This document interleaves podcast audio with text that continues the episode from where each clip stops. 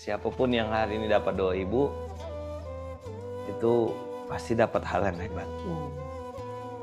Tapi ada sosok yang tidak pernah tidak pernah nunjukkan tidak ekspresif. Kadang-kadang tidak bisa ngomong, kadang-kadang untuk meneteskan air mata pun dia tahan. Dan saya baru paham ketika saya ditakdirkan Allah jadi sosok itu. Sosok itu namanya ayah. Dia yang paling banyak nahan air mata.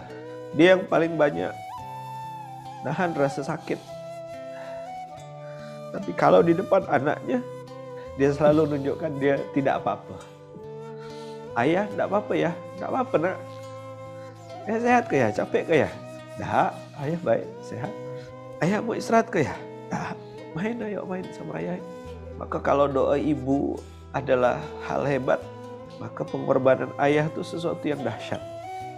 Duhai ayah yang ada di seluruh dunia, duhai ayah yang ada di mana pun berada, baik yang masih hidup ataupun yang sudah wafat, buat ayah yang hari ini sedang cari rezeki yang halal, mungkin sampai tengah malam harus cari uang supaya anak istrinya bisa makan.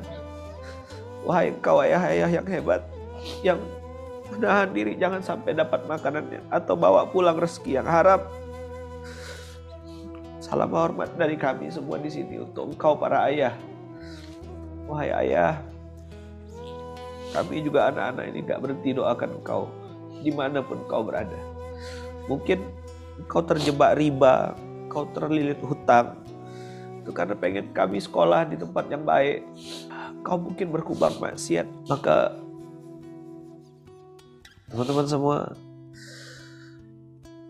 kebaikan apa pun yang kita lakukan kita niatkan untuk kedua orang tua kita untuk ibu kita, mama kita dan untuk ayah kita.